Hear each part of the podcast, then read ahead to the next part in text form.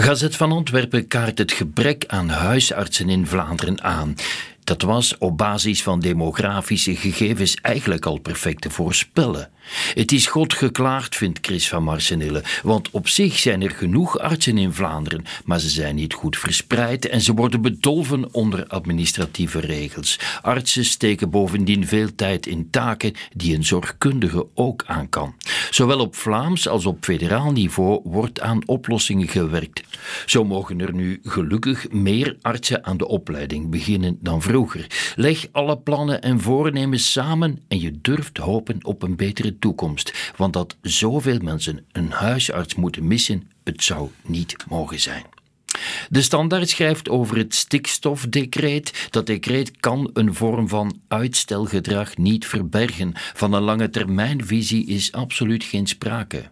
Moeten we er ons bij neerleggen dat elke hervorming met kleine stapjes gebeurt? België blijft een compromisland en zal dat altijd blijven. Heel wat beleidsmakers zijn van de school van Weil en Jean-Luc Dehane, die er prat op ging de problemen op te lossen als ze zich stellen.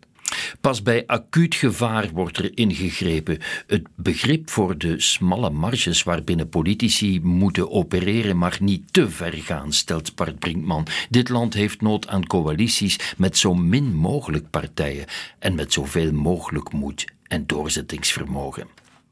Het Belang van Limburg focust op de groeiende angst in Europa voor Poetin. Zijn ambities reiken duidelijk verder dan Oekraïne. Onze eigen stafchef Michel Hofman waarschuwde al dat we voorbereid moeten zijn op het ergste. Zelfde verhaal nu in Zweden en Groot-Brittannië. De generaals zijn terecht bezorgd, vindt Timmy van Diepen. Maar we mogen niet vervallen in blind alarmisme. De Russen zullen morgen niet in onze tuin staan. Poetin zal geniepig werken met spel in de hoop dat de NAVO en de Europese Unie aan interne verdeeldheid ten onder gaan. Daar, in die desintegratie van ons veiligheidssysteem, schuilt het grote gevaar. Zelfde thema in de tijd. De Europese defensie staat nog niet waar ze moet staan, schrijft Bart Haak. De Europese Unie mag dan grootmoedig Oekraïne verwelkomen als kandidaat lidstaat, maar is totaal niet in staat om de veiligheid van dat land te garanderen. Tot nu blijft de NAVO en vooral de Amerikaanse steun cruciaal. De Europese militaire weerbaarheid moet omhoog en we zullen daar geld aan moeten spenderen. Niet omdat het leuk is zulke uitgaven te doen, maar omdat ze nodig zijn. We leven helaas weer in een tijdperk waarin alleen de dreiging van een militaire macht volstaat om vrede af te dwingen. De morgen tenslotte heeft het over het boerenprotest. In meerdere Europese lidstaten blokkeren boze boeren verkeersaders. Ze kunnen het niet meer aan. Hun productiekosten zijn hoger dan hun inkomsten.